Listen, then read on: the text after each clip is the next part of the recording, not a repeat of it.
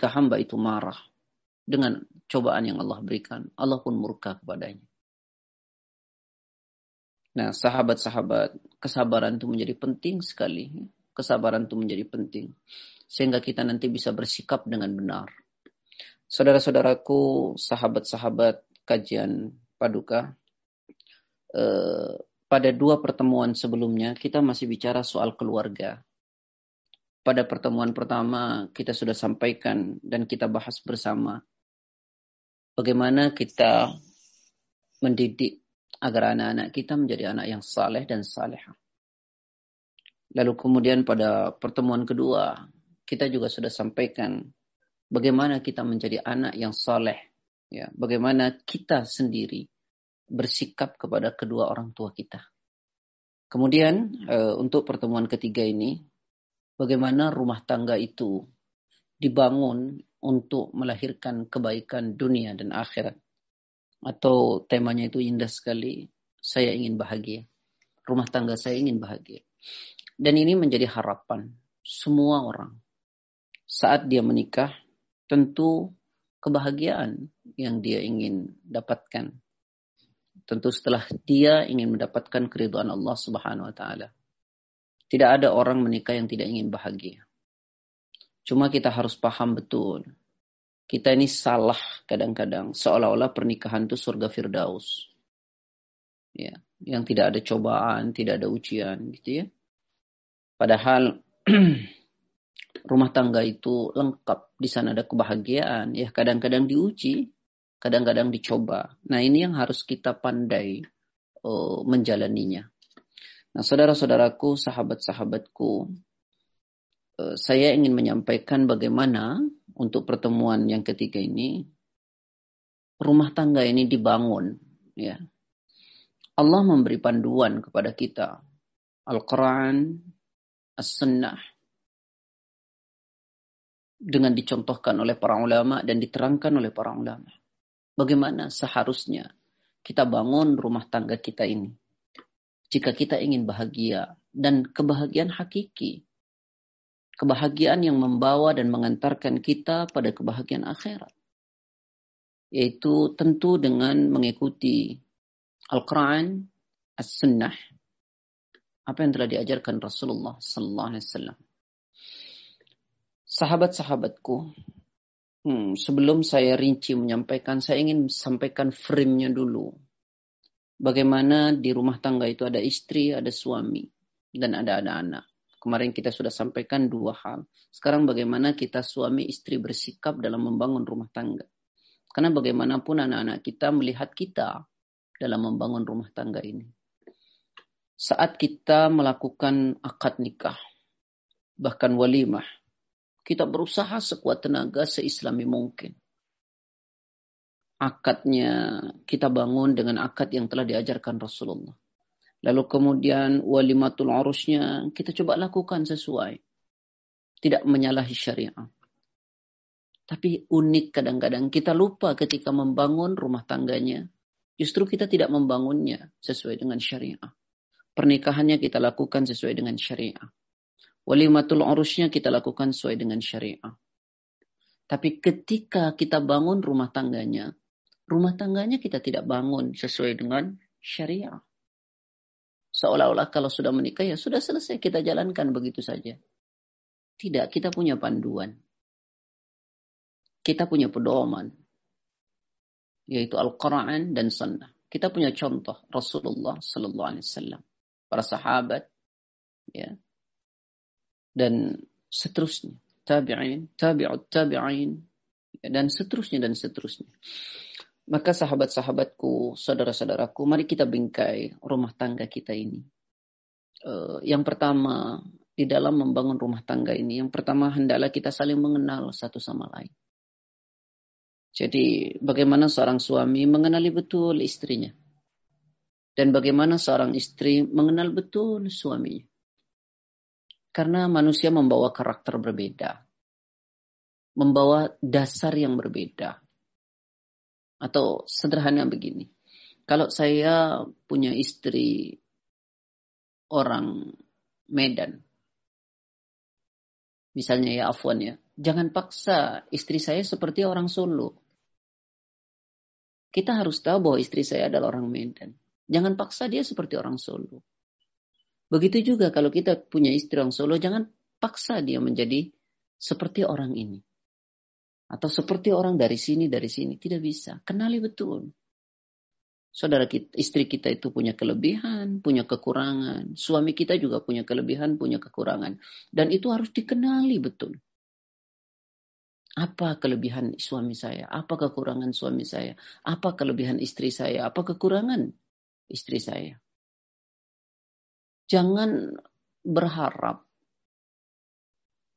kita ini kadang-kadang pengen punya istri yang selalu punya kelebihan, tidak punya kekurangan. Ya tidak mungkin karena kita menikah dengan seorang manusia. Manusia itu sempurna, sempurna dengan kekurangan dan kelebihannya. Ekspektasi kita kadang-kadang yang terlalu tinggi. Saya pengen punya suami, suami saya harus selalu benar, selalu baik, tidak punya kekurangan. Wallahi tidak mungkin karena dia manusia.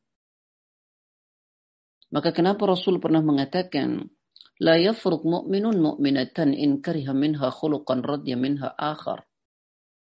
Janganlah pernah kau membenci pasanganmu, wahai seorang suami, karena pada istrimu terdapat keburukan akhlak yang tidak baik. Ingatlah bahwa pada istrimu itu masih banyak menyimpan akhlak yang baik. Kita ini hanya senang mengingat keburukan. Kita hanya senang uh, melihat kekurangan, kelemahan. Tapi kita tidak berusaha melihat kelebihannya. Nah, sahabat-sahabat, ayo kita saling kenali. Kenali betul istri kita. Kenali betul suami kita. Dia adalah manusia. Pasti dia sempurna. Dia punya kekurangan, dia punya kelebihan. Begitu juga suami kita demikian, wahai para bunda.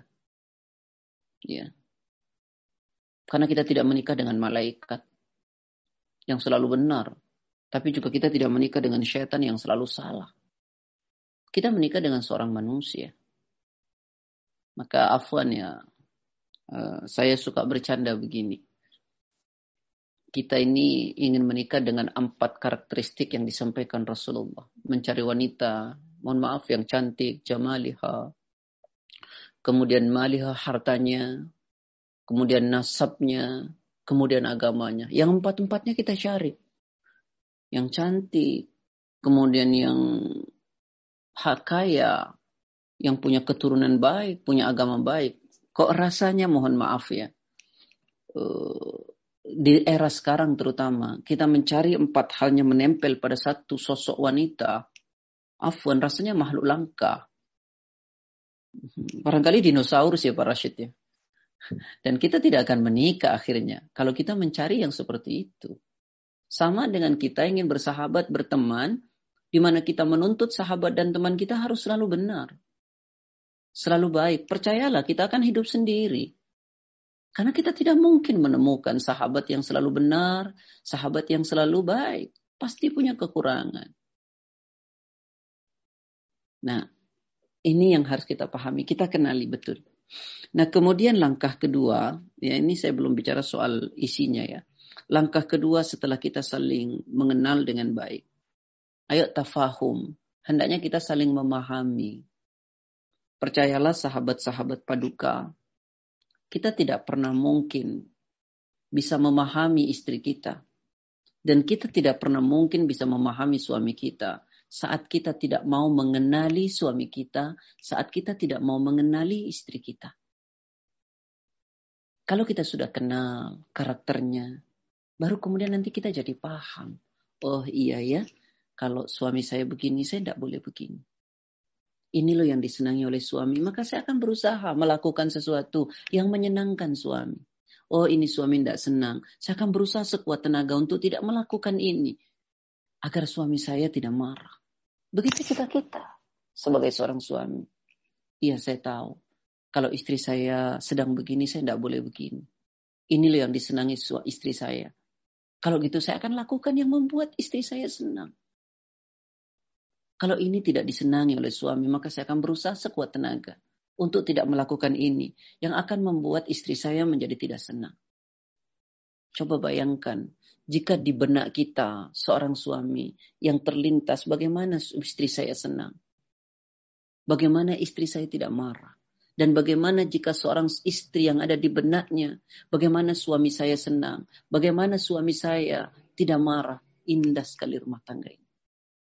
Dan itu bisa dibangun dengan saling mengenal, yang kedua kemudian saling memahami satu sama lain. Catat, jangan hanya minta dipahami. Kadang-kadang kita ini dengan egois berkata, kamu sebagai seorang istri, mbok paham saya dong sebagai suaminya. Capek, lelah, Masya Allah ya akhi. Kita mengatakan capek, lelah bekerja. Bukankah itu kewajiban kita? Saat kita kemudian menikahi seorang istri, bahwa melekat kewajiban itu pada kita. Dan bagaimana seorang istri berkata, apa itu harus paham saya dong. Saya di rumah capek, saya begini. Masya Allah. Tidak tahukah kita bahwa saat kita dinikahi oleh seorang suami, melekat kewajiban itu pada diri kita sebagai seorang istri kepada suami. Nah, ayo saling memahami. Jangan hanya minta dipahami. Ya, kadang-kadang sering kata-kata itu muncul. Mbok kamu paham saya dong. Tidak saudaraku, sahabatku. Kalau kita minta dipahami, kita pahami enggak pasangan kita? Kita mesti, kamu mesti kenal saya dong. Terus kita nggak mau kenal pasangan kita. Kita cuma minta dikenali egoisnya kita. Kenapa tidak hidup sendiri saja? Baik, kemudian yang keempat. Tasamuh. Apa itu? Ketika orang sudah saling mengenal, ya. Kemudian ketika suami istri sudah saling memahami, maka akan muncul nanti namanya tasamuh. Apa itu tasamuh? Akan saling bertenggang rasa satu sama lain. Akan saling mau berkorban Apa sih susahnya? Kita sebagai seorang suami berkorban sedikit saja untuk kebahagiaan istri. Dan apa sulitnya seorang istri berkorban sedikit untuk kebahagiaan suami. Jika yang ada di diri kita mau berkorban untuk kebahagiaan pasangan, indah rumah tangga. Akan tetapi yang sering kita lihat sekarang ini justru saling mau mengorbankan. Masya Allah. Suami mau mengorbankan istrinya, istri mau mengorbankan suaminya. Masya Allah. Kadang-kadang lisan ini tak tertahan. Berkata ini nyakiti istri atau tidak. Kadang-kadang istri juga lisannya tak tertahan. Kata-katanya menyinggung suami atau tidak. Nah ini sahabat-sahabat. Ya. Nah kemudian yang terakhir, yang keempat adalah ini bingkai dulu ya Nanti kemudian setelah dibingkai baru bagaimana implementasinya untuk mencapai empat ini. Yang keempat adalah ta'awun. Apa itu? Yaitu saling mau menolong. Tadi Anda sampaikan di awal. Wahai para bunda, suami kita tuh manusia, punya kekurangan. Jangan cari kekurangannya untuk dijadikan alasan. Tapi bantulah, tolonglah kekurangannya dengan kelebihan kita sebagai seorang istri. Wahai para suami, istri kita juga manusia yang juga punya banyak kekurangan. Janganlah cari kekurangannya untuk dijadikan alasan mempersulit istri, apalagi dijadikan alasan mohon maaf ya, mohon maaf lahir batin. Bukan tidak boleh untuk menikah lagi. Justru tambahlah kekurangan istri dengan kelebihan kita. Tolonglah kekurangan istri itu dengan kelebihan kita. Allah menyatukan kita untuk saling menyulam kekurangannya. Bukan untuk menjadikan alasan kekurangannya dalam hal yang negatif. Disatukannya suami dan istri. Indah jika di antara suami istri saling menyulam kekurangannya bukan menjadikan kekurangannya sebagai alasan hal negatif. Kita sering berkata, manusia itu adalah tempatnya salah, tempatnya khilaf. Tapi kita seolah-olah tidak ada maklum atas khilaf dan salah pasangan kita. Cobalah letakkan seribu maklum dalam diri kita. Letakkanlah maklum-maklum pada diri kita. Uzur-uzur pada diri kita. Berikanlah uzur terhadap sikap istri kita. Berikanlah uzur terhadap sikap suami kita.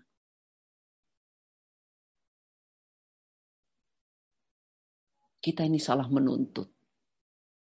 Nah, sahabat-sahabat, saudara-saudaraku, sahabat paduka, mari kita lihat ke dalam. Tadi frame-nya sudah saya sampaikan. Ayo kita saling mengenal, karakter, tabiat, kebiasaan. Kemudian mari kita saling memahami, ya, pahami istri, pahami suami. Kemudian mari kita saling bertenggang rasa, saling mau berkorban satu sama lain untuk kebahagiaan pasangannya.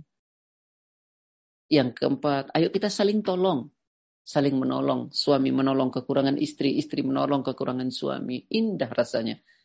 Pak Rashid, rasanya saya tak perlu menjelaskan yang lain. Empat hal ini dilakukan indah rumah tangga ini. Betul, betul.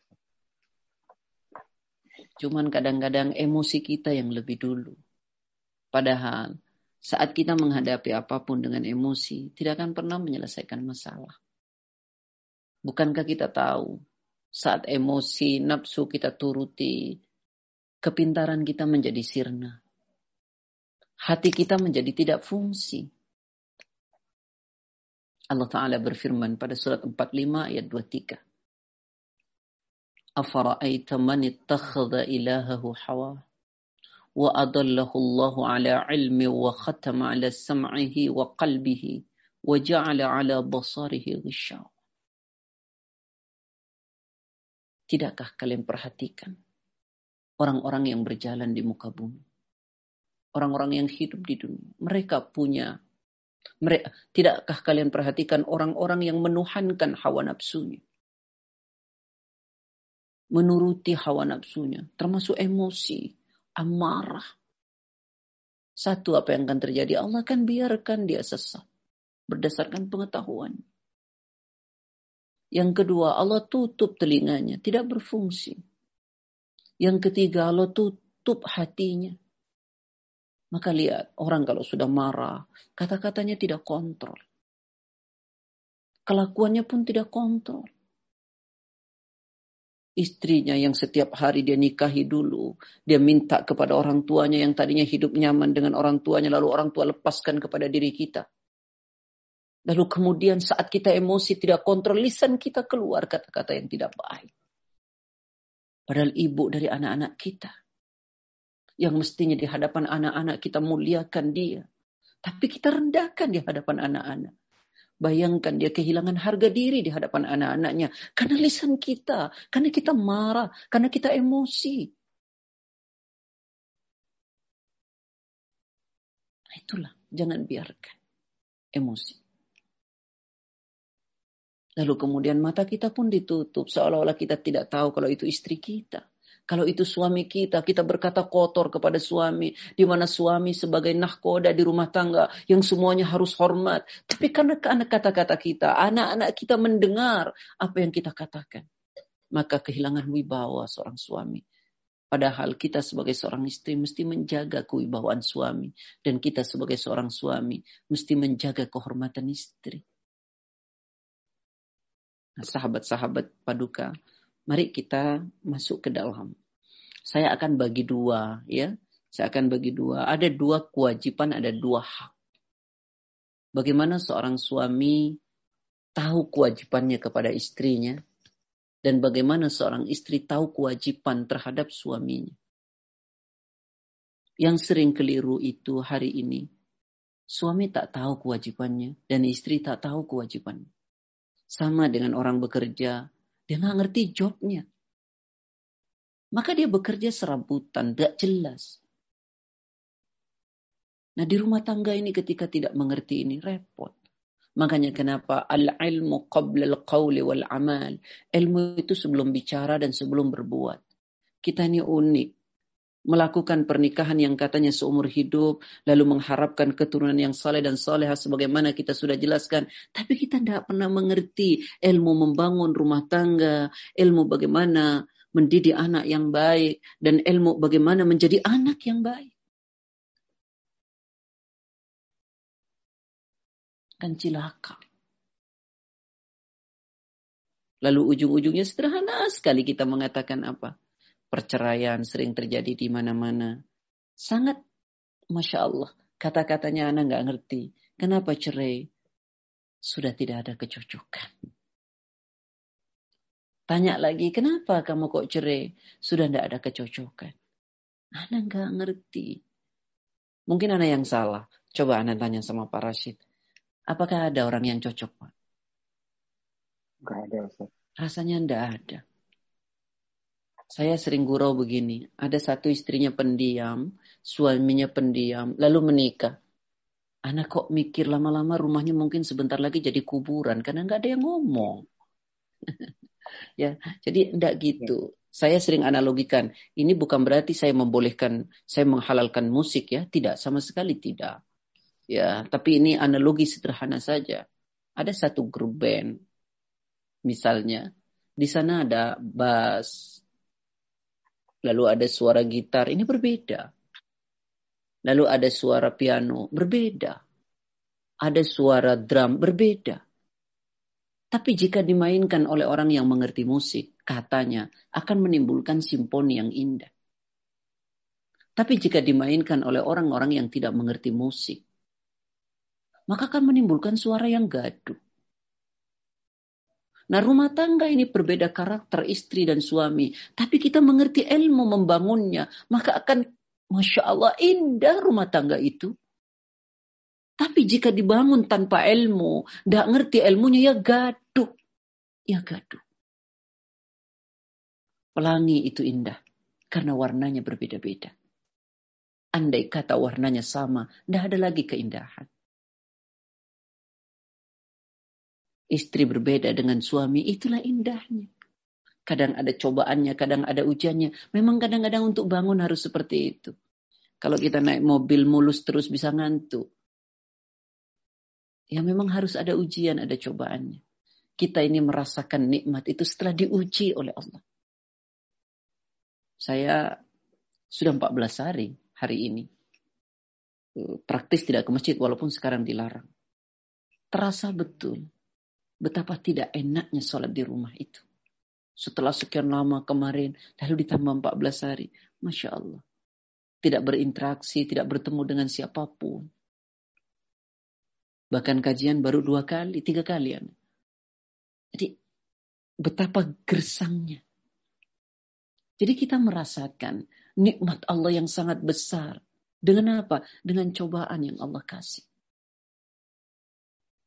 Kalau kita tidak pernah merasakan cobaan, kita nggak akan pernah menikmati nikmat. Nah, ini sahabat-sahabat, mari kita mulai ya. Saya tidak tahu kita mulai dari kewajiban suami dulu atau istri dulu. Kata suami, kewajiban istri dulu. Kata istri, kewajiban suami dulu, Pak Ustadz. Jadi karena kita suami, nah kodanya saya mulai dari suami ya.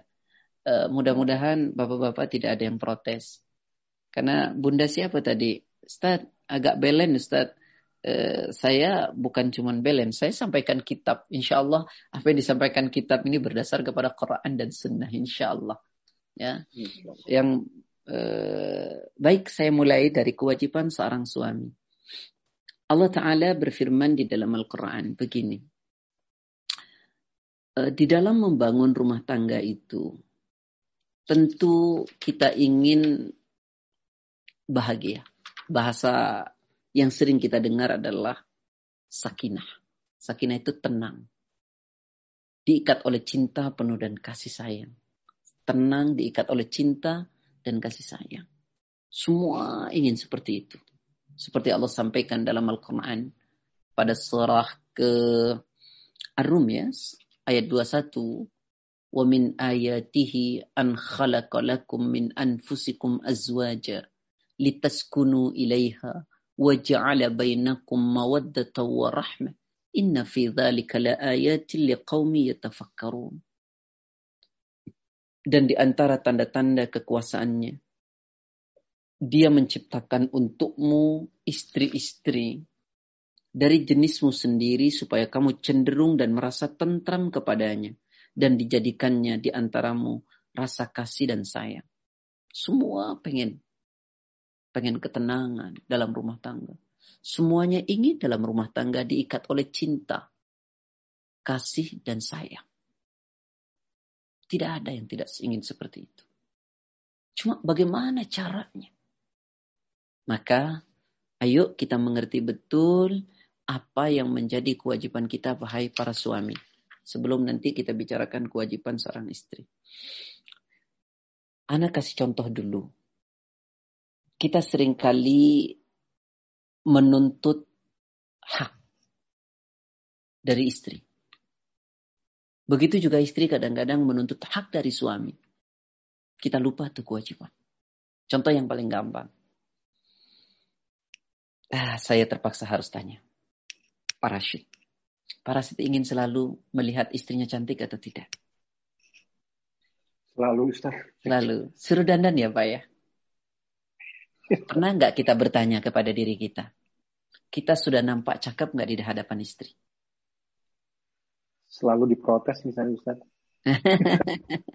Untuk itu saya ingin sampaikan kata Ibnu Abbas. Beliau mengatakan, Inni la atazayyanu limra'ati kama tazayyanu li. Aku akan berhias untuk istriku sebagaimana istriku berhias untukku. Selama ini yang kita dengar, kita hanya nuntut, kamu harus nampak cantik dong di hadapan suami. Lalu kita pakai dalil. Seorang istri yang enak dipandang mata. Kita lupa bahwa istri kita juga ingin melihat, ingin bahagia, melihat suaminya enak dipandang. Bukankah yang berdoa, Rabbana hablana min azwajina wa dhurriyyatina qurrata a'yun waj'alna lil muttaqina imama. Bukan cuma kita kan yang berdoa, istri kita juga berdoa seperti itu. Aku ingin pasanganku enak dipandang mata. Kita hanya cakap kalau mau berangkat bekerja, tapi di rumah kita seenaknya sementara kita tuntut istri kita agar nampak cantik. Insya Allah. Egois sekali kita ya. Afwan, ini bukan kata anak Kata Ibnu Abbas. Siapa Ibnu Abbas? Abdullah. Siapa dia? Sepupu Nabi.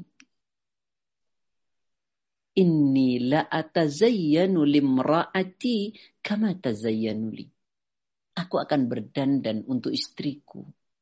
Sebagaimana istriku berdandan untukku. Bukan hanya kita yang bahagia senang melihat istri cantik. Istri kita pun senang kita sering berkata, jangan pakai wewangian ya. Keluar rumah. Nanti seperti penzina. Kalau mau pakai wangi-wangi, itu untuk untuk saya sebagai seorang suami. Tapi pernah nggak kita berpikir tentang bau badan kita? Kita cuek kepada istri kita. Tapi kita takut betul keluar bau badan kita tercium orang lain. Padahal orang itu kita tidak kenal. Tentu kita juga tidak ingin karena tidak agar tidak terjadi fitnah. Tapi pernahkah kita berpikir bau badan saya di hadapan istri saya? Insya Allah. Nah ini kita, kenapa saya mulai dari sini? Karena kita lupa akan kewajiban kita. Karena kita selalu menuntut hak kita dari suami dari istri kita. Tayyib, ikhwani wa ikhwati fillah yang dirahmati oleh Allah Subhanahu wa taala. Dalam surat Al-Baqarah ayat 228. Ya, saya potong ayat walahunna mithlul ladzi alaihinna bil ma'ruf dan para wanita mempunyai hak yang seimbang dengan kewajibannya menurut cara yang ma'ruf. Saya ulangi, dan para wanita mempunyai hak yang seimbang dengan kewajibannya. Sementara kita hanya mengingat kewajiban dia. Tanpa kita memenuhi hak-haknya. Dan kalau kita bicara hak bagi seorang wanita dan bicara kewajiban hanya berhenti di soal mohon maaf ya finansial, harta, rumah. Itu fisik sahabatku. Itu cuma fisik yang berhenti di dunia. Lalu lupakah kita kewajiban kita bahwa kita punya kewajiban membawa istri kita ke dalam surganya Allah, bahwa kita punya kewajiban agar istri kita tidak masuk neraka dan kita juga punya kewajiban untuk anak-anak kita. Bukan hanya harta, sahabatku. Tapi kita punya kewajiban membawa istri kita ke dalam surganya Allah. Kita punya kewajiban jangan sampai istri kita masuk ke dalam neraka. Bukan sekedar memberi makan, pakaian, rumah, bukan. Ini seumur dunia saja. Maksud saya seumur-umur kita saja. Sementara sekali. Nah, sahabat-sahabatku, di dalam satu hadis Nabi mengatakan begini. Ala inna lakum ala nisaikum haqqa. Wa nisa walinisaikum alaikum haqqan. Saya ulangi. Ala inna lakum ala nisaikum haqqan. Walinisaikum alaikum haqqan ketahuilah kata Nabi sesungguhnya kalian mempunyai hak yang harus ditunaikan oleh istri kalian dan istri kalian pun memiliki hak yang wajib kalian tunaikan, kata Nabi. Saya ulangi, ketahuilah. Sesungguhnya kalian mempunyai hak yang harus ditunaikan oleh istri kalian. Dan istri kalian pun memiliki hak yang wajib kalian tunaikan. Dan hak-haknya jangan di, penuhi sebagiannya, sebagiannya kita tidak penuhi. Atau kewajiban kita kepada istri hanya sebagian kecil yang kita penuhi dengan mengabaikan kewajiban yang lain. Baik, satu persatu saya mulai. Yang pertama, kewajiban seorang suami kepada istri adalah yang pertama, hendaklah seorang suami bergaul ya dengan istri dengan cara yang ma'ruf hendaklah seorang suami bergaul dengan istri dengan cara yang ma'ruf. Dengan cara yang baik. Afwan, jangan sekadar dipahami bergaul dalam urusan tempat tidur. Tidak. Tidak. Tapi dalam setiap waktu. Hendaklah seorang suami bergaul dengan istri dengan cara yang ma'ruf. An-Nisa 19 wa alai wa ashiruhunna bil ma'ruf wa ashiruhunna bil ma'ruf dan bergaulah dengan mereka secara ma'ruf. Apa itu? Mari melekat pada diri kita seorang suami. Yang pertama adalah hendaklah nah ya, seorang suami memberi kewajiban makan ya kepada istri. Kewajiban memberi pakaian dan seterusnya. Nah, Rasulullah SAW pernah ditanya. Sebentar.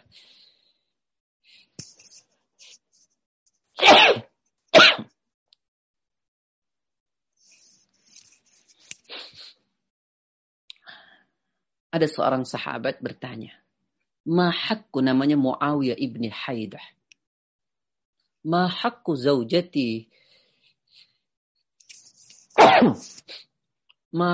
zaujati ahadina alaih Ma hakku zaujati ahadina alaih Faqala Tut'imaha idha ta'imta Wa taksuha idha tasayid Wala tadribil wajah Wala tuqabbih Wala tahjur illa fil bait.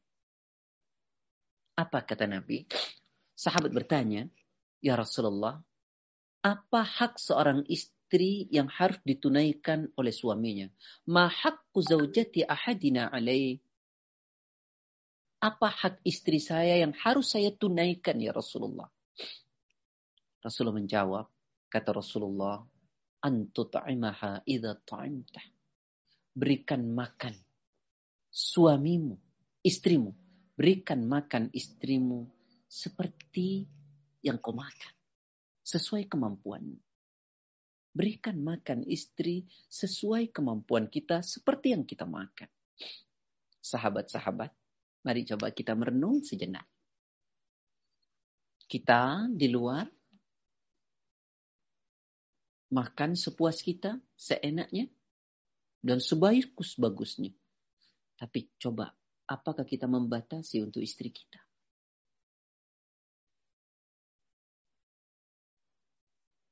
Saat kita mentraktir sahabat-sahabat, teman-teman kita, ayo, ayo, ayo.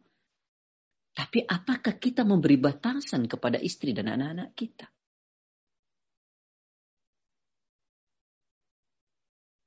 Lihat. Hadis dari Abu Hurairah. Diriwayatkan oleh Imam Muslim. Ulama mengatakan hadis ini sahih. An Abi Hurairah radhiyallahu anhu qala dari Abu Hurairah radhiyallahu anhu berkata, Qala Rasulullah sallallahu alaihi wasallam. Rasulullah SAW bersabda, Dinarun anfaqtahu fi sabilillah. Dinar, uang, harta yang kau infakkan di jalan Allah. Dinar, uang, harta yang kau infakkan di jalan Allah Wadinarun anfaktahu fi raqabah. Wahai para suami, uang harta yang kau keluarkan untuk memerdekakan seorang budak. Menolong orang yang terdalimi. Baik. Uang yang kita keluarkan di jalan Allah baik. Uang yang kita infakkan untuk memerdekakan budak, menolong orang-orang itu baik. Wadinarun tasaddaqta bihi ala miskinin dan dinar yang kau keluarkan, kau sedekahkan untuk orang-orang miskin baik sekali. Wa dinarun anfaktahu ala ahli. Harta dinar yang kau infakkan untuk keluargamu. Istri, anakmu, orang tuamu. Apa kata Rasul? A'zamuha ajran alladhi anfaqtahu ala ahlik. Pahala yang terbesar dari apa yang kau keluarkan itu adalah yang kau berikan untuk keluargamu. Bagaimana kita begitu royal di luar, tapi kita pelit untuk keluarga kita. Istri, anak, ibu, apalagi sudah orang tua. Kemarin Anda jelaskan di awal Bagaimana ketika Abi Darda dinasehati oleh Rasulullah SAW. Sembilan nasihat. Salah satu nasihatnya adalah ya wa ati walidaik wa in amaraka an takhruja dunyaka fakhruj lahuma. Taatilah kedua orang tuamu Sekalipun kedua orang tuamu meminta seluruh hartamu, maka berikanlah. Maka berikanlah. sahabat. Jadi uang yang kita keluarkan untuk jalan Allah. Baik. Uang yang kita keluarkan untuk memerdekakan seorang Buddha, kita tolong orang-orang terdolimi. Dan uang yang kita sedekahkan untuk orang-orang miskin. Dan uang yang kita berikan untuk keluarga kita. Istri, anak, ibu, a'damuha ajran alladhi anfaqtahu ala ahlik. Yang paling besar pahalanya adalah yang kau berikan untuk keluargamu. Untuk keluargamu. Nah, ikhwani wa ikhwati fillah yang dirahmati oleh Allah Subhanahu wa taala. Alasan apa lagi kita mau pelit buat keluarga kita? Buat anak-anak kita. Dan jangan pernah kita berkata, Saya ini capek. Cari uang untukmu. Begini-begini. Ingat sahabatku. Itu memang kewajiban kita. Kenapa kita berkeluh kesah? Bukankah setiap kita mencari harta peras keringat untuk istri dan anak kita? Itu pahala besar. Lalu bagaimana kita mengeluh? Kan tetapi saya juga ingin ingatkan seorang istri ya jangan terlalu boros. adalah pertengahan. Ya, sebagaimana Allah Taala mengatakan walladzina surat 25 Al-Furqan ayat ke-86 atau 87 ana lupa wa ibadur rahman alladhina yamshuna 'alal ardi hauna wa idza khatabahumul jahiluna qalu salama والذين يبيتون لربهم سجدا وقياما والذين يقولون ربنا اصرف عنا عذاب جهنم إن عذابها كان غراما إنها ساءت مستقرا ومقاما والذين إذا أنفقوا لم يسرفوا turu wa kana baina dzalika qawama. Hamba Allah yang Maha Pengasih itu jika membelanjakan hartanya dia tidak boros tapi juga dia tidak pelit. Yang baik yang ada di antara keduanya. Nah sahabat-sahabat saudara-saudara muslim paduka ya. Saya surat surat 25 ayat 86. Saya tadi baca dari 83. Eh, mohon maaf, 67, 66. Saya tadi baca oh, dari 63. Afwan, afwan. Hmm. Kemudian sahabat-sahabatku, tadi saya katakan kewajiban kita suami adalah bergaul dengan istri dengan cara yang baik. Di dalamnya supokok bahasannya adalah ayo kita menafkahi istri dan itu kewajiban kita. Saat kita menikah dengan seorang wanita, maka melekat kewajiban itu pada diri kita. Saya tidak tahu, eh, saya tidak ngerti di luar ya Pak Rashid. Ada istilah apa? Eh, katanya laki-laki stay in home. Gimana Anda tidak ngerti ya itu? Eh, ini sudah tidak fitrah gitu ya. Karena fitrahnya kita yang mencari begitu ya. Sekecil apa pun itu, sekecil apa pun ya. Baik, kemudian yang kedua adalah wataksuha idak tasaid. Berikan pakaian istri kita berikan pakaian. Nah, kalau perlu, wahai para istri, suami yang belanja. Subhanallah ya. Karena seleranya nanti jadi selera suami. Kalau selera istri, istrinya yang senang, suaminya belum tentu senang. gitu ya. ya. Jadi ayo berikan pakaian. Kita kan pengen ya Pak ya, istri kita cantik gitu ya. Tapi kita nggak kasih pakaian yang uh, enak dipandang mata. Ya, bahasa saya segini kita ini ingin uh, kita memakai dalil misalnya uh, khairun nisa sebaik-baik istri adalah ya istri yang enak dipandang mata. Tapi kita nggak nyediain waktu buat dia berdandan, ya buat dia berpakaian yang uh, pantas gitu ya. Saya bahkan mohon maaf canda saya nih bapak-bapak mohon maaf ya Eh, kita pengen dia cantik, tapi nggak ada uang salon gitu. Mohon maaf lahir batin ya. Eh, tiap hari kita cuma suruh nyapu, suruh ngepel, lalu kemudian suruh masak. Eh, lalu kita ingin melihat istri kita cantik. Ya, walaupun itu pahala besar bagi seorang istri. Ya, siapkanlah waktu kita juga membantunya begitu. Allah alam. Ya, ini ini tolong diingat baik-baik ya kita menuntut istri kita agar nampak begini, begini, begini. Tapi setiap hari bekerja saja. Tidak ada yang lain. Bagaimana? Ya. Kemudian yang ketiga, wala tadribil wajhah. Jangan pernah kau memukul wajahnya. Ya. Kita bertanya, boleh tidak sih mukul sebenarnya? Ya. Mari kita buka Quran surat An-Nisa ayat 34. Allah Ta'ala berfirman begini. واللاتي تخافون نشوزهن. فعذوهن واهجروهن في المضاجع. واضربوهن. فإن أطعنكم فلا تبغوا عليهن سبيلا. إن الله كان عليا كبيرا. Apa kata Allah? Dan wanita-wanita yang kamu khawatirkan nususnya, maka nasihatilah mereka. Pisahkan mereka di tempat tidur mereka dan pukullah mereka. Kemudian, jika mereka mentaatimu, maka janganlah kamu mencari-cari jalan untuk menyusahkannya. Sesungguhnya Allah maha tinggi lagi maha besar. Nah, kembali. Jadi, kalau kita istri kita nusus, ya, nakal, melakukan hal yang menyeleweng, tidak benar, maka langkah yang pertama nasihati. Nanti ini pada bagian selanjutnya, lalu kemudian pisahkan tempat tidurnya. Bukan rumah. Baru kemudian kalau tidak pula pukul. Tapi tidak boleh memukul wajah.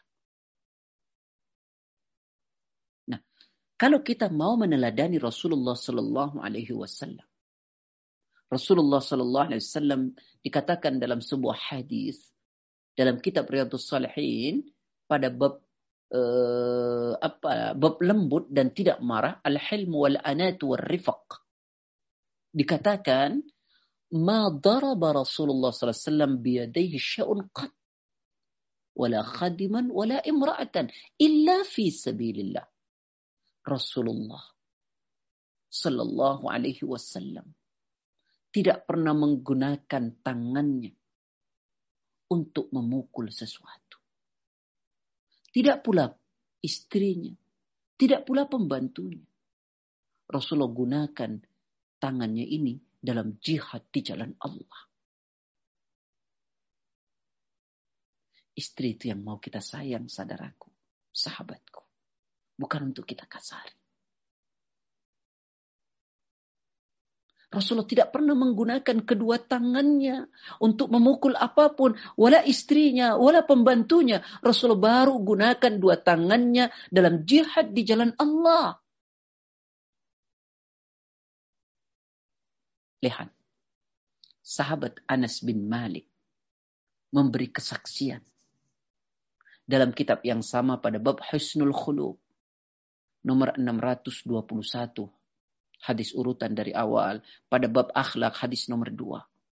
Rasul mengatakan, kata sahabat Anas bin Malik, mamasistu, kata sahabat Anas, mamasistu dibahan au hariran alyana min kaffi Rasulullah sallallahu alaihi wasallam.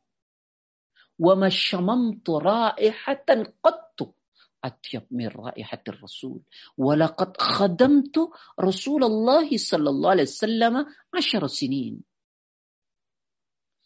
kata sahabat Anas aku tidak pernah memegang sutra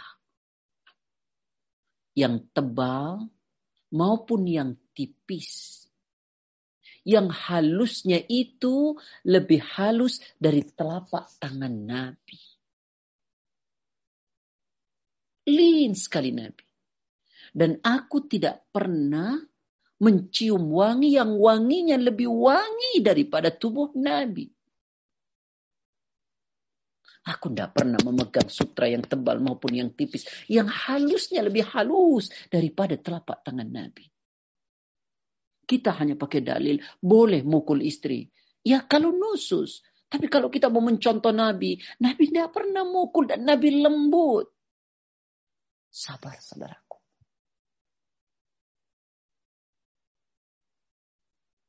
Nah, lihat ada satu hadis yang menyebabkan orang terhindar dari neraka. Dan yang menyebabkan neraka tak boleh menyentuh seseorang. Salah satunya adalah karena kelembutan.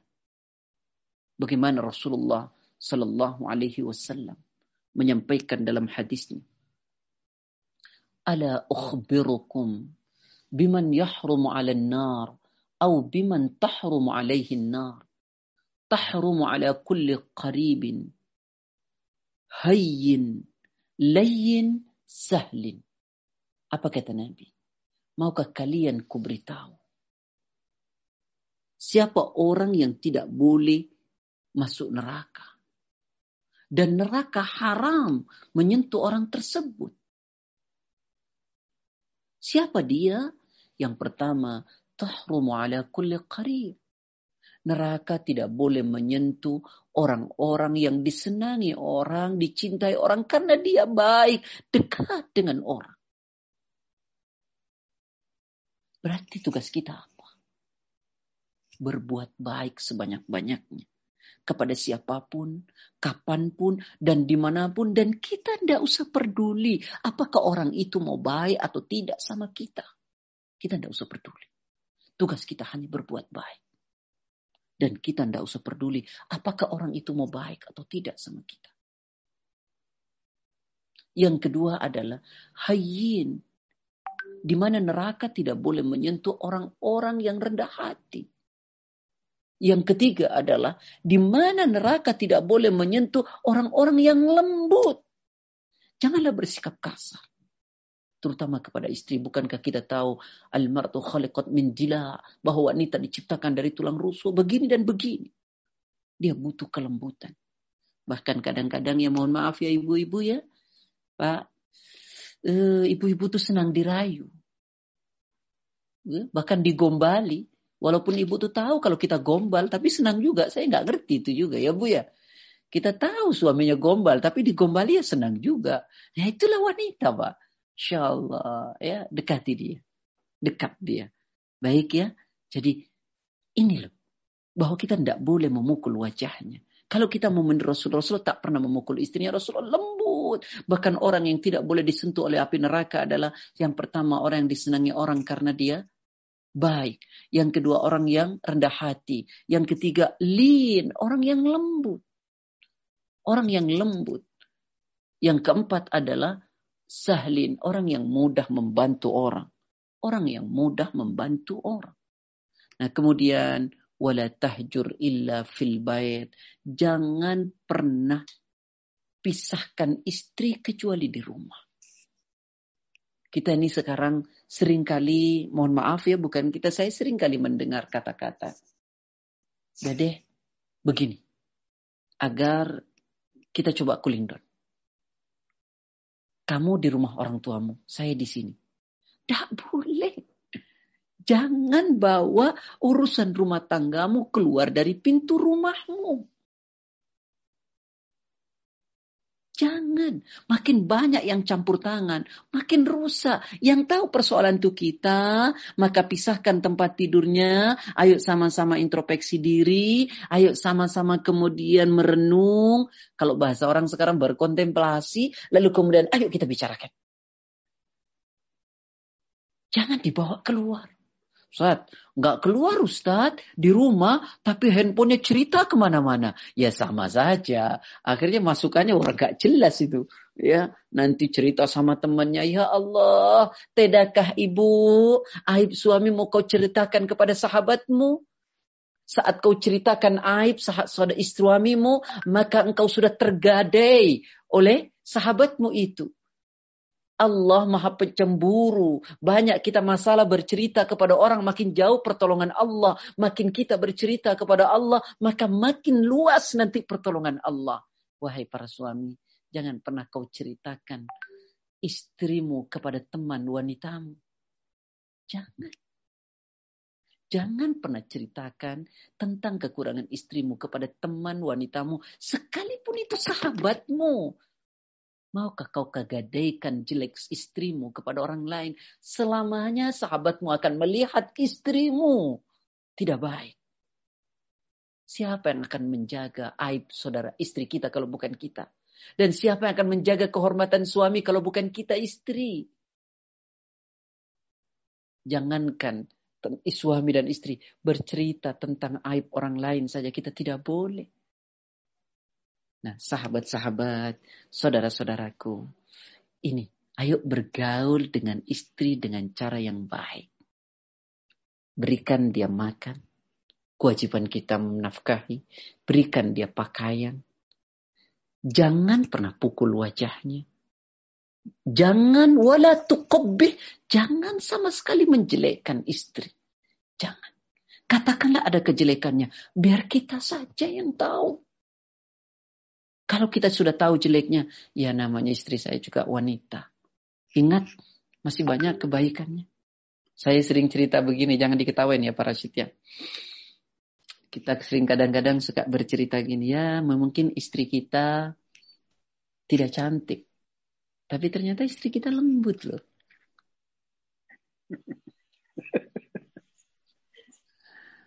Iya tuh. Mungkin istri kita tidak pandai bebersih rumah.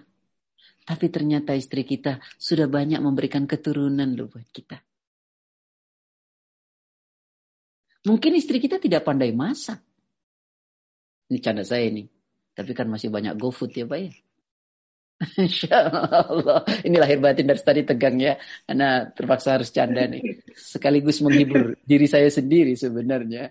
Ya, kalau tidak pandai masa masih banyak GoFood begitu maksud saya. Mohon maaf lahir dan batin. Tapi insya Allah ya. Istri itu belajar untuk jadi yang terbaik kepada suaminya. Nah, kemudian selanjutnya bagaimana bergaul dengan istri dengan cara yang ma'ruf. Selanjutnya adalah hendaklah kita berakhlak beretika kepada istri. Jangan seenaknya.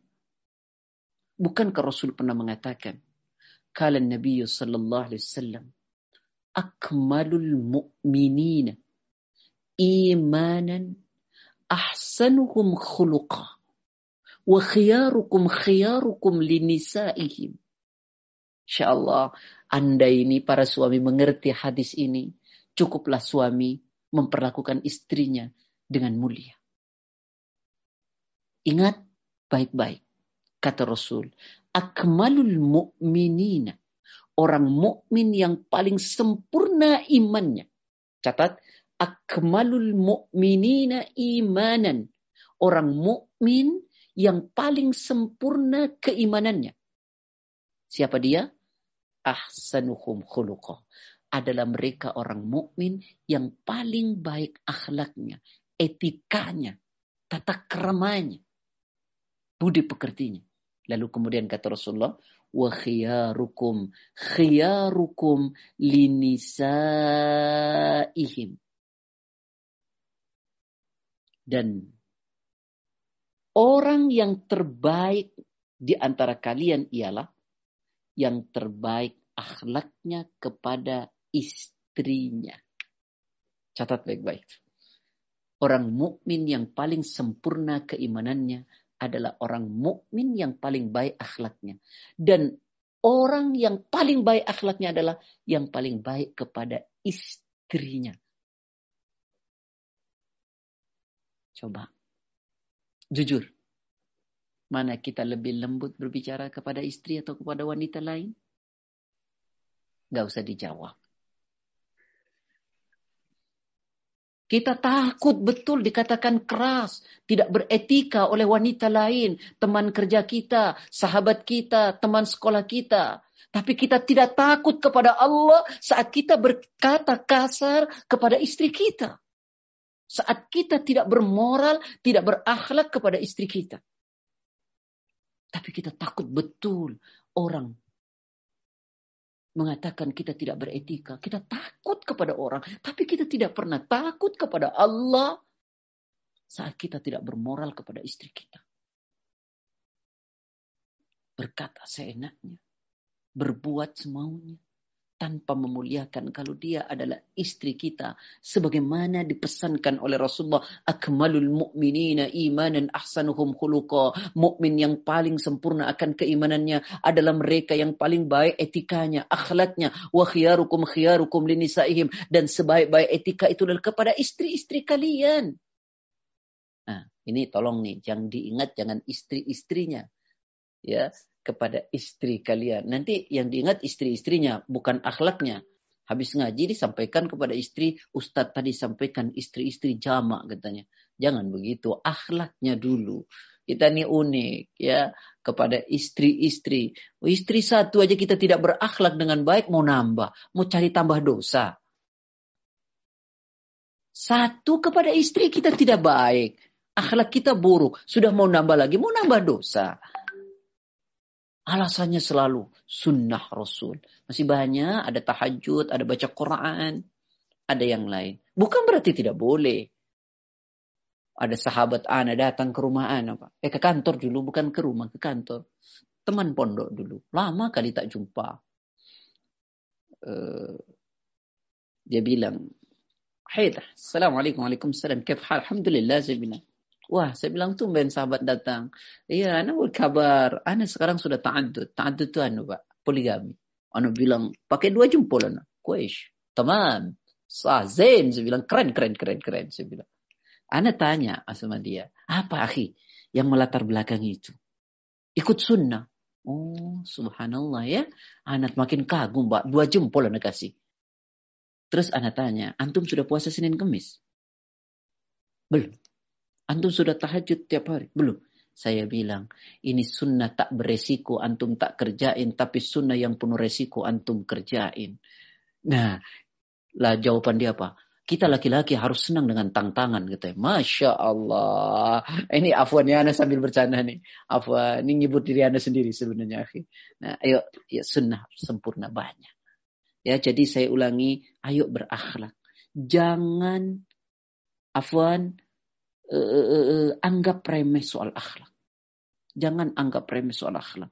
Karena akhlak ini tinggi sekali. Tinggi sekali. Bagaimana Rasulullah sampai pernah mengatakan, nanti kalau punya kitab Riyadus Solehin nomor 630, sanatnya dari Abi Umamah. Nabi mengatakan, Ana za'im. Bibaitin fi rabadil jannah liman tarakal mira wa in kana muhaqqan.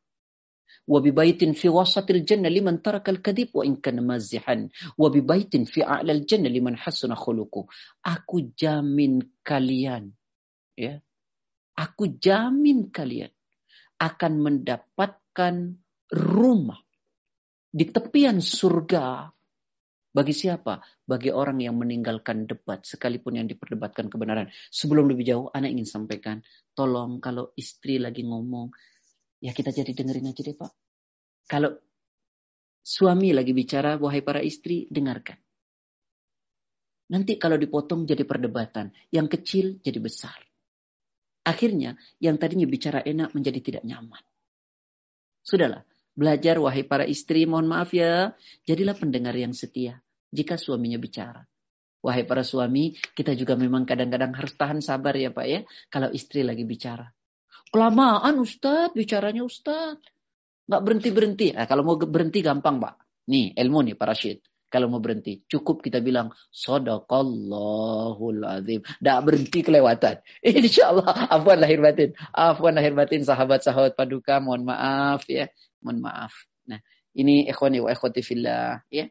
Jadi akhlak itu penting. Bahkan kata Nabi, wa bibaitin fi a'lal jannah liman hasuna khuluquh. Aku jamin kalian akan mendapatkan rumah di surga yang paling tinggi bagi orang yang berakhlak mulia.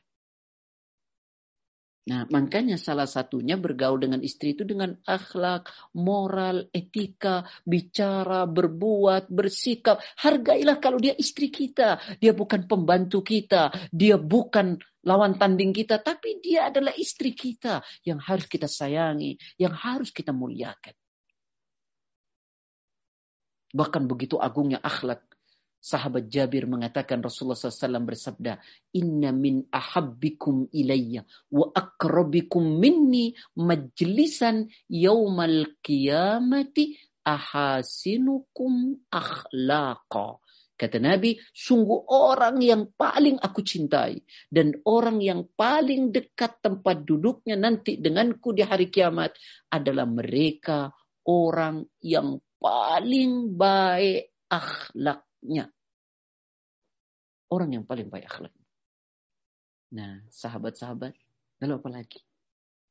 Kita mau tidak berakhlak. Saya kasih contoh. Bergaul dengan istri dengan cara yang ma'ruf, salah satunya memberikan pakaian, memberikan makan, jangan pernah-pernah memukul, pisahkan di tempat tidur saja, berakhlak dengan mulia, dan salah satu contoh yang lain adalah kita hendaklah mengisi rumah tangga bukan sekedar serius tapi penuh dengan canda. Boleh dengan bercanda. Rasulullah pun begitu. Tidak garing-garing betul hidup ini. Ya, coba anak kasih contoh. Aisyah menuturkan, ya, sabaqani Rasulullah sallallahu alaihi wasallam. Fasabaqtuhu falabisna hatta idza arhaqani al-lahmu sabaqani fasabaqani faqala hadhihi bitilka. Kata Aisyah, satu kali Rasulullah mengajakku berlomba lari. Rasulullah mengajakku berlomba lari. Insya Allah. Jadi perlu diisi. Lalu saya mengalahkan beliau. Kata Aisyah. Aku kalahkan Rasulullah. Lalu Aisyah mengatakan, Hatta idha arhaq, arhaqani al-lahmu sabaqani fasabaqani. Faqala hadhihi bitilka. Lalu kemudian pada waktu yang lain ketika tubuhku sudah mulai gemuk kata Aisyah, aku diajak lari lagi oleh Rasulullah. dan aku kalah. Rasulullah mengatakan, hadhihi bitilka. Aisyah, kata Rasulullah, ini balasan yang dulu aku kalah. Masya Allah. Jadi begitu Rasulullah ya diajaklah. Jadi perlu waktu kadang-kadang Pak kita jalan-jalan berdua. Ya kemarin-kemarin kita bisa bersepeda berdua. Sekarang di Jakarta dilarang. Tidak boleh dulu sampai tanggal 20. Dan ini kita harus taati. Ya. Nah, begitu kepada istri. Bahkan Masya Allah indah sekali. Lihat Aisyah pernah mengatakan. Aku pernah mandi bersama dengan Rasulullah. Dalam satu bejana. Kadang-kadang tangan kami bergantian dalam menciduk air. Kadang-kadang tangan kami bersentuhan. Masya Allah boleh. Indah Islam itu dalam rumah tangga ini. Indah sekali. Saya pernah seorang ustadz mengajar pada bab al-ghusl, bab mandi. Ada jemaahnya tanya, Pak Ustadz, saya mau mandi bareng sama suami Pak Ustadz. Ya nggak usah ditanya, mandi saja. Bu. Bukan begitu Pak Ustadz. Rumah saya itu petakan Pak Ustadz, kontrak. Ada lima petak di situ. Lalu kamar mandinya cuma ada satu di depan Pak Ustadz. Bagaimana cara melakukannya? Ustadznya cerdas sekali. Beliau sampaikan apa? Bu, masih banyak sunnah yang lain. Kenapa sunnah itu saja yang mau dijalankan? Nah kita ini memang kalau sunnah itu sesuai dengan selera kita, kita kejar habis-habisan itu. Tapi sunnah yang gak enak kita tinggal. Macam tadi, poligami sunnah, puasa sunnah hari Kamis tak sunnah rasanya. Nah, ikhwani wa ikhwati fillah, ya. Kullu syai'in yalhu bihi ibni Adam, fahuwa batil, illa thalathan ramyahu an qausi wa ta'dibahu farasahu wa mula'abatahu ahla fa innahunna minal haq. Kata Nabi sallallahu alaihi wasallam, segala sesuatu yang dijadikan bahan hiburan oleh anak cucu Adam adalah batil kecuali tiga hal. Yang pertama adalah melepaskan anak panah dari busurnya, melatih kudanya, bersenda gurau dengan keluarganya. Bersenda gurau dengan keluarganya. Penuhilah rumah itu ya dengan bahagia. Tentu yang pertama adalah ya apa kata Nabi luaskan rumah tanggamu dengan eh, rumahmu dengan baca Al-Qur'an. Ya. Menangislah atas kesalahan perbanyak istighfar. Ya, ada canda gurau di rumah tangga kita. Bukan selalu serius begitu ya. Apalagi suami menghabiskan waktu setiap malam sholat, satu malam penuh, setiap hari puasa. Nanti kena tegur.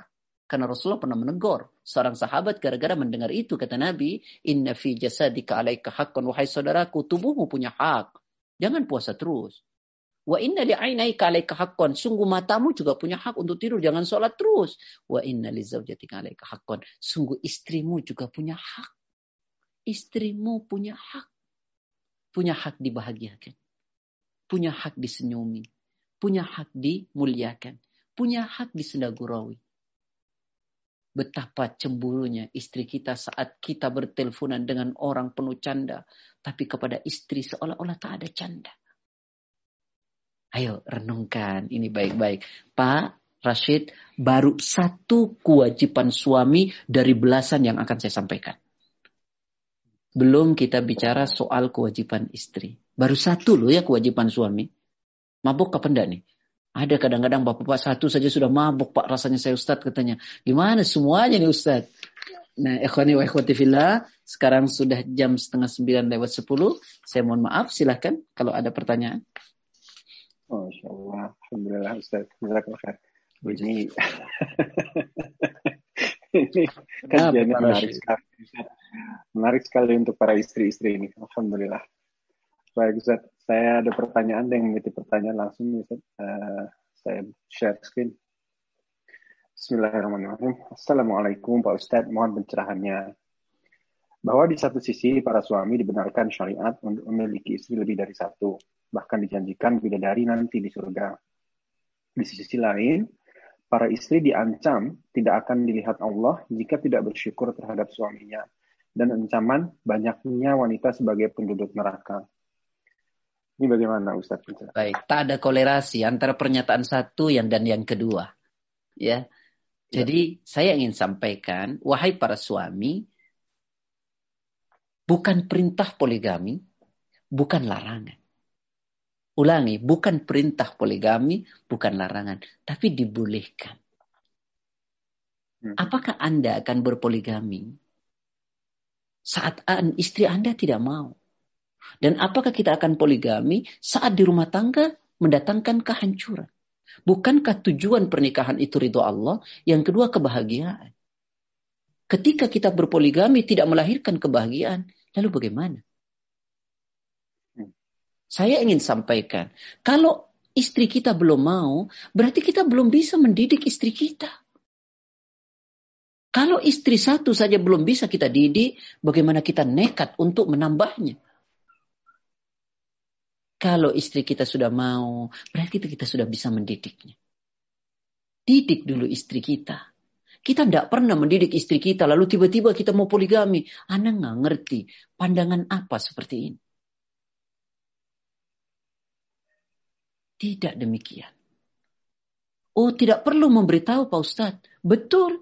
Tidak ada kewajiban seorang suami minta izin kepada istri. Tapi percayalah, saat istri Anda tidak tahu, saat istri Anda tidak diberitahu, maka sunnah yang akan Anda kejar, kita akan terjebak pada kemunafikan. Hmm. Karena tanda orang munafik itu adalah pembohong. Pasti kita akan selalu berbohong. Kok lambat meeting? Kok lambat seminar? Kok lambat ada pekerjaan? Kok lambat? Masya Allah, bohong, bohong, bohong. Sementara kita mengatakan sunnah menikah lagi. Nah, sahabat-sahabat, menikah boleh lagi, bukan larangan, tapi bukan perintah. Tapi saat istri kita tidak mau, berarti kita harus sadar belum bisa mendidik istri kita. Kalau kita sudah bisa didik, dia mau mengerti agama dengan benar, maka insya Allah akan melahirkan kebahagiaan. Itu pun masih berat. Itu pun masih berat. Itu pun masih berat. Sahabat-sahabat yang saya cintai karena Allah. Pernyataan kedua. Anda lupa Pak Rashid tadi. Karena Anda baca tidak ada kolerasi antara pernyataan pertama dan yang kedua. Yang kedua gimana tadi? Uh, di sisi lain, ini para istri diancam tidak akan dilihat Allah jika tidak bersyukur terhadap suaminya dan iya. ancaman yeah. banyaknya wanita sebagai penduduk neraka. Baik, ini berkenaan dengan ketika Rasulullah pasca salat Id, Rasulullah kemudian menghampiri para wanita Ansar dan Rasulullah berkata, "Ibu banyaklah bersodako dan seterusnya dan seterusnya karena aku diperlihatkan banyak di antara kalian yang akan menjadi penghuni neraka." Kenapa? Maksudnya tidak bersyukur dengan pemberian suami. Tidak bersyukur dengan pemberian suami. Suami kasih harta setiap bulan, misalnya, afwan, seukuran lima. Tapi kita melihat istri orang lain dikasih tujuh. Lalu kita marah. Lalu kita menuntut lebih kepada suami. Ini yang tidak boleh. Karena itu sungguh menyakiti suami. Itu sungguh menyakiti suami. Maka bersyukurlah dengan apa yang suami beri. Dan suami tidak boleh bakhil. Tidak boleh pelit. Hindun, istrinya Abu Sofyan datang kepada Rasulullah. Ya Rasulullah, suamiku Abu Sofyan pelit ya Rasulullah. Tidak cukup memberikan aku dan anak-anakku makan. Catat. Tidak cukup memberikan aku dan anak-anakku makan. Yang tidak cukup tuh makan. Bukan beli tas kermes ya Bu. Tapi makan. Ya. Maka kata Rasulullah, ambillah harta suamimu. Catat, cukup untuk makan kamu dan anakmu. Jangan sampai diartikan boleh mencuri uang suami. Bukan itu. Ya, tapi karena dia tidak cukup memberikan makan, maka ambillah harta suamimu untuk makan kamu dan anak-anakmu. Sebab ada yang ngaji Pak kurang lengkap dengarnya, lalu dua-duanya istrinya ngaji sama saya, suaminya ngaji sama saya. Istrinya tiba-tiba, eh suaminya tiba-tiba telepon saya, Pak Ustadz, masa istri saya ambil uang saya? Kata Pak Ustadz, tak apa katanya. Dia salah paham dalam memahami ini. Walaupun kita suami tahu ya Pak Rasid ya, yang ngambil uang di rumah cuma satu, yaitu istri. Anak-anak nggak mungkin, karena anak-anak nggak berani. ya, itu tidak apa-apa lah. Tidak apa-apa lah ya. Tapi istri juga perlu saya sampaikan, tidak demikian. Baik, wallahu a'lam. Alhamdulillah, saya lanjutkan ke pertanyaan berikutnya. Ini berkaitan pertanyaan Ustaz. Assalamualaikum warahmatullahi wabarakatuh. Mohon izin bertanya. bagaimana menyikapi dan taat pada suami yang penghasilannya tidak memadai sehingga istri sering berhutang dan suami tidak pernah bertanggung jawab membayar hutang-hutang. Selain itu, suami tidak sholat berjamaah. Terima kasih, Ustaz.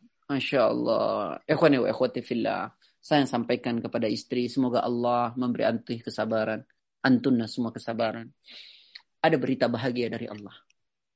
Wabashiris sabirin. Berikanlah kabar gembira kepada mereka yang sabar. Sabar, bicarakan kepada suami bahwa ini kurang. Ya, dan saya berdoa kepada suami, salatlah berjemaah. Salatlah karena rizki akan datang rizki akan datang jika kita taat kepada Allah. Jika kita bertakwa kepada Allah. Allah Ta'ala mengatakan dalam Quran surat 65 ayat 2 وَمَنْ يَتَّكِ اللَّهِ يَجْعَلْ لَهُ مَخْرَجًا Siapa orang bertakwa kepada Allah, maka Allah akan berikan nanti jalan keluar pada setiap kesulitan hidupnya. وَيَرْزُقُهُ مِنْ حَيْثُ لَا يَتَسِيب Dan Allah akan berikan rizki dari tempat yang dia tidak pernah menyangkanya. Ini nasihat anak buat suami. Buat istri, nasihat anak adalah, ya bersabarlah bersabarlah, teruslah katakan kebaikan, teruslah ajak pada kebaikan, ajalah ikut kajian, doakan terus menerus, semoga Allah membuka hatinya. Bagaimana saya akan memuliakan? Ibu tetaplah hormati suami Anda, tapi katakanlah bahwa ini tidak cukup. Ya, ini tidak cukup. Mau makan apa? Nah sekali-kali yang gak usah masak, karena tidak ada yang mau dimasak. Katakan tidak ada yang mau dimasak. Nah kalau nanti kita susah, nah ceritakan, sholatlah ya mintalah kepada Allah, mendekatlah kepada Allah, bertakwalah kepada Allah. Karena ketakwaan itu yang akan mendatangkan rizki dari tempat yang kita tidak sangka. Dan ketakwaan itu pula yang akan memberikan jalan keluar pada setiap kesulitan kita. Dan ini janji Allah. Orang tidak bertakwa kepada Allah, tidak salat. Wallah, jalan keluarnya sulit dalam kehidupannya. Dan rizkinya akan seret. Nah, maka sama-samalah minta Ana ba di Rawamangun. Afwan ya ada cerita. Di Rawamangun tuh ada orang yang sering ikut kajian. Ana ngajar di masjid ini di sini di sini dulu sebelum pandemi. Dia pakai sepeda. Dia jualan susu. Jualan susu. Wallah jualan susu dia bawa. Anak ini orang selalu subuh ada duhur ada kajian terus dia. Tapi dia ketika kajian susu itu dia tutup walaupun ada orang beli dia mau dia ikut kajian Kajian selesai dengan tanya jawab, baru dia keluar. Satu saat anak tanya, Akhi, uh, antum begini-gini. Anak Ustaz, anak sudah umrah Pak Ustaz. Masya Allah. Sudah umrah. Anak pandemi, anak coba gimana akhi gini-gini. Alhamdulillah Ustaz, ada jalannya Pak Ustaz. Masya Allah ya akhi. Kenapa? Ketakwaannya yang memberikan jalan keluar pada setiap kesulitannya. Ketakwaannya. Nah, ini bagi suaminya. Bagi istri, bunda, sabar ya bunda. Insya Allah, Allah berikan nanti. Bunda terus berdoa, ajak kajian. Semoga Allah memberikan jalan dan tetap bunda hormati. Ya, sebagai seorang suami, jangan berkata kasar. Berkatalah dengan baik. Semoga suami bunda diberi hidayah oleh Allah Subhanahu Wa Taala. Allah Amin. Baik, saya lanjutkan. Ini juga uh, pertanyaannya bersambung ini rupanya. Ada jaminan surga bagi seorang wanita yang menjaga sholat, puasa, dan kehormatannya serta taat pada suaminya. Eh, mohon penjabaran taat pada suami yang bagaimana yang bisa mengantarkan istri pada surga ya Ustaz. Masya Allah, ini seorang istri yang tidak sabar kajian ini cepat selesai. Nanti padahal ini ada pada bab kewajiban seorang wanita. Tapi Anda sampaikan hadis ini sahih. ya Hadis ini sahih. Rasulullah mengatakan, Qala Nabi Sallallahu Alaihi Wasallam, Ida sallatil mar'atu khamsaha. Jika seorang wanita sudah salat lima waktu. Wasamat syahraha. Puasa di bulan Ramadan. Ya. Ini, ini penting nih. Wahafidat farjaha. Dia jaga kehormatannya. Dia jaga kehormatannya. Dia tidak biarkan kehormatannya diumbar ke mana-mana. Dia jaga kehormatan suami, dia jaga kehormatan dirinya. Wahafidat farjaha dia jaga kehormatannya. Wa ata'at zaujaha dan dia taat kepada suaminya. Kilalaha, maka dikatakan kepada wanita semacam ini, Udhuli al jannata, masuklah engkau ke dalam surganya Allah min ayyi abwabi hasyiti, dari pintu mana saja kamu mau. Yang ditanya adalah taat kepada apa? Taat yang seperti apa? Bunda, catat baik-baik. La ta'ata li makhlukin bi maksiatil khaliq janganlah kau taat kepada suami dalam da, kepada manusia kepada makhluk dalam rangka bermaksiat kepada Allah. Kita taat dengan apa yang diajarkan oleh Allah dan Rasulnya yang disampaikan suami sesuai dengan apa yang Allah ajarkan oleh Rasul dan Rasulnya. Dan kita tidak boleh mentaati suami dalam rangka bermaksiat kepada Allah. Contoh, suruh membuka aurat. Contoh suruh ikhtilat dan seterusnya. Jadi ketaatannya adalah ketaatan yang diridhoi oleh Allah dan Rasulnya dan kita tidak boleh taat kepada suami dalam rangka bermaksiat kepada Allah dan Rasulnya. Nanti pada kajian selanjutnya saya akan jelaskan secara rinci pada kewajiban seorang istri. Wallahu a'lam.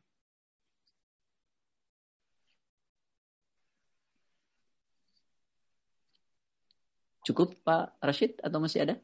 Satu lagi ya Pak Rashid ya? Uh, masih ada. Satu lagi boleh. Baik. Baik. Nanti disimpan. Uh, ini pertanyaan berikutnya. Assalamualaikum warahmatullahi wabarakatuh Ustaz. Anda mau bertanya, apakah kita boleh ucapkan quote kata-kata bermotivasi setiap hari kepada pas? Uh, karena quote itu sendiri hanya pasti dalam bahasa bukan islami. Mohon penjelasan ya Ustaz. Akhwani wa fillah. Yang pertama, kata paling indah adalah in ahsanal kalam kalamullah adalah firman Allah. Wa khairal hadi hadi Nabi Muhammad SAW. Dan sebaik-baik petunjuk adalah petunjuk Nabi Muhammad SAW. Sampaikanlah ayat, sampaikanlah hadis. Bukan berarti tidak boleh. Jika itu kata-kata ulama boleh. Kata-kata ulama boleh. Motivasi dari non-muslim. ya Kenapa kita harus mencari motivasi dari orang di luar Islam? Mohon maaf ya, bukan berarti saya anti. Kalau itu baik nggak ada masalah. Tapi carilah dari lisan yang saleh. Dari lisan yang membaca Quran dari lisan yang menghabiskan sujudnya di hadapan Allah. Dari lisan yang penuh dengan zikir. Carilah kata-kata yang dari lisan penuh zikir. Carilah kata dari lisan yang penuh baca Quran. Carilah kata dengan otak yang selalu berpikir tentang Allah. Maksudnya adalah mendekat kepada Allah. Carilah dari apa yang keluar dari orang yang menghabiskan waktunya sujud kepada Allah. Bunda, sampaikanlah Quran. Sampaikanlah hadis Sampaikanlah kaul para sahabat, sampaikanlah kaul para ulama, insya Allah banyak. Saya tidak melarang quote-quote yang bagus, tidak. Tapi saya khawatir, khawatir takut. Khawatir takut ada kesalahan itu bertentangan dengan agama. Kalau lahir dari ulama yang mengerti Quran dan Sunnah, dia tidak akan membuat kata-kata yang bertentangan dengan Quran dan Sunnah. Wallahu a'lam. Baik. Uh, sudah habis mungkin Ustaz. Baik. Jazakallah Pak Rashid, afwan ya. Ana Tolong diingatkan baru satu ya Pak Rashid. Ya. Insya Allah nanti kita ingat, saya ingatkan.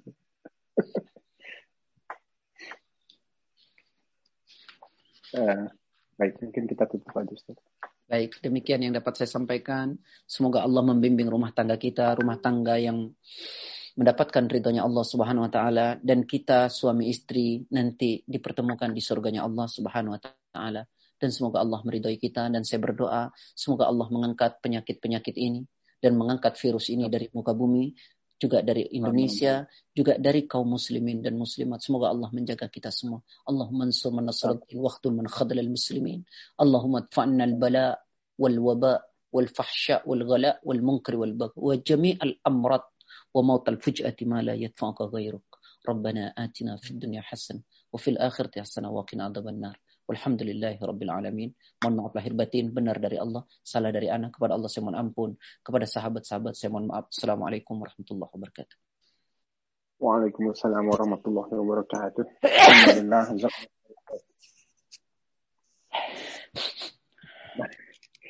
Baik. Uh, semoga kita semua mendapatkan kesehatan. Kami mohon maaf uh, atas kesalahan dan kekurangan uh, kajian kali ini. Mari kita tutup dengan uh, doa kifaratul majlis. Subhanaka Allahumma wa bihamdika. Asyhadu an la ilaha illa anta. Astaghfiruka wa atubu ilaih. Barakallahu fikum. Wabillahi taufiq wa hidayah. Wassalamualaikum warahmatullahi wabarakatuh.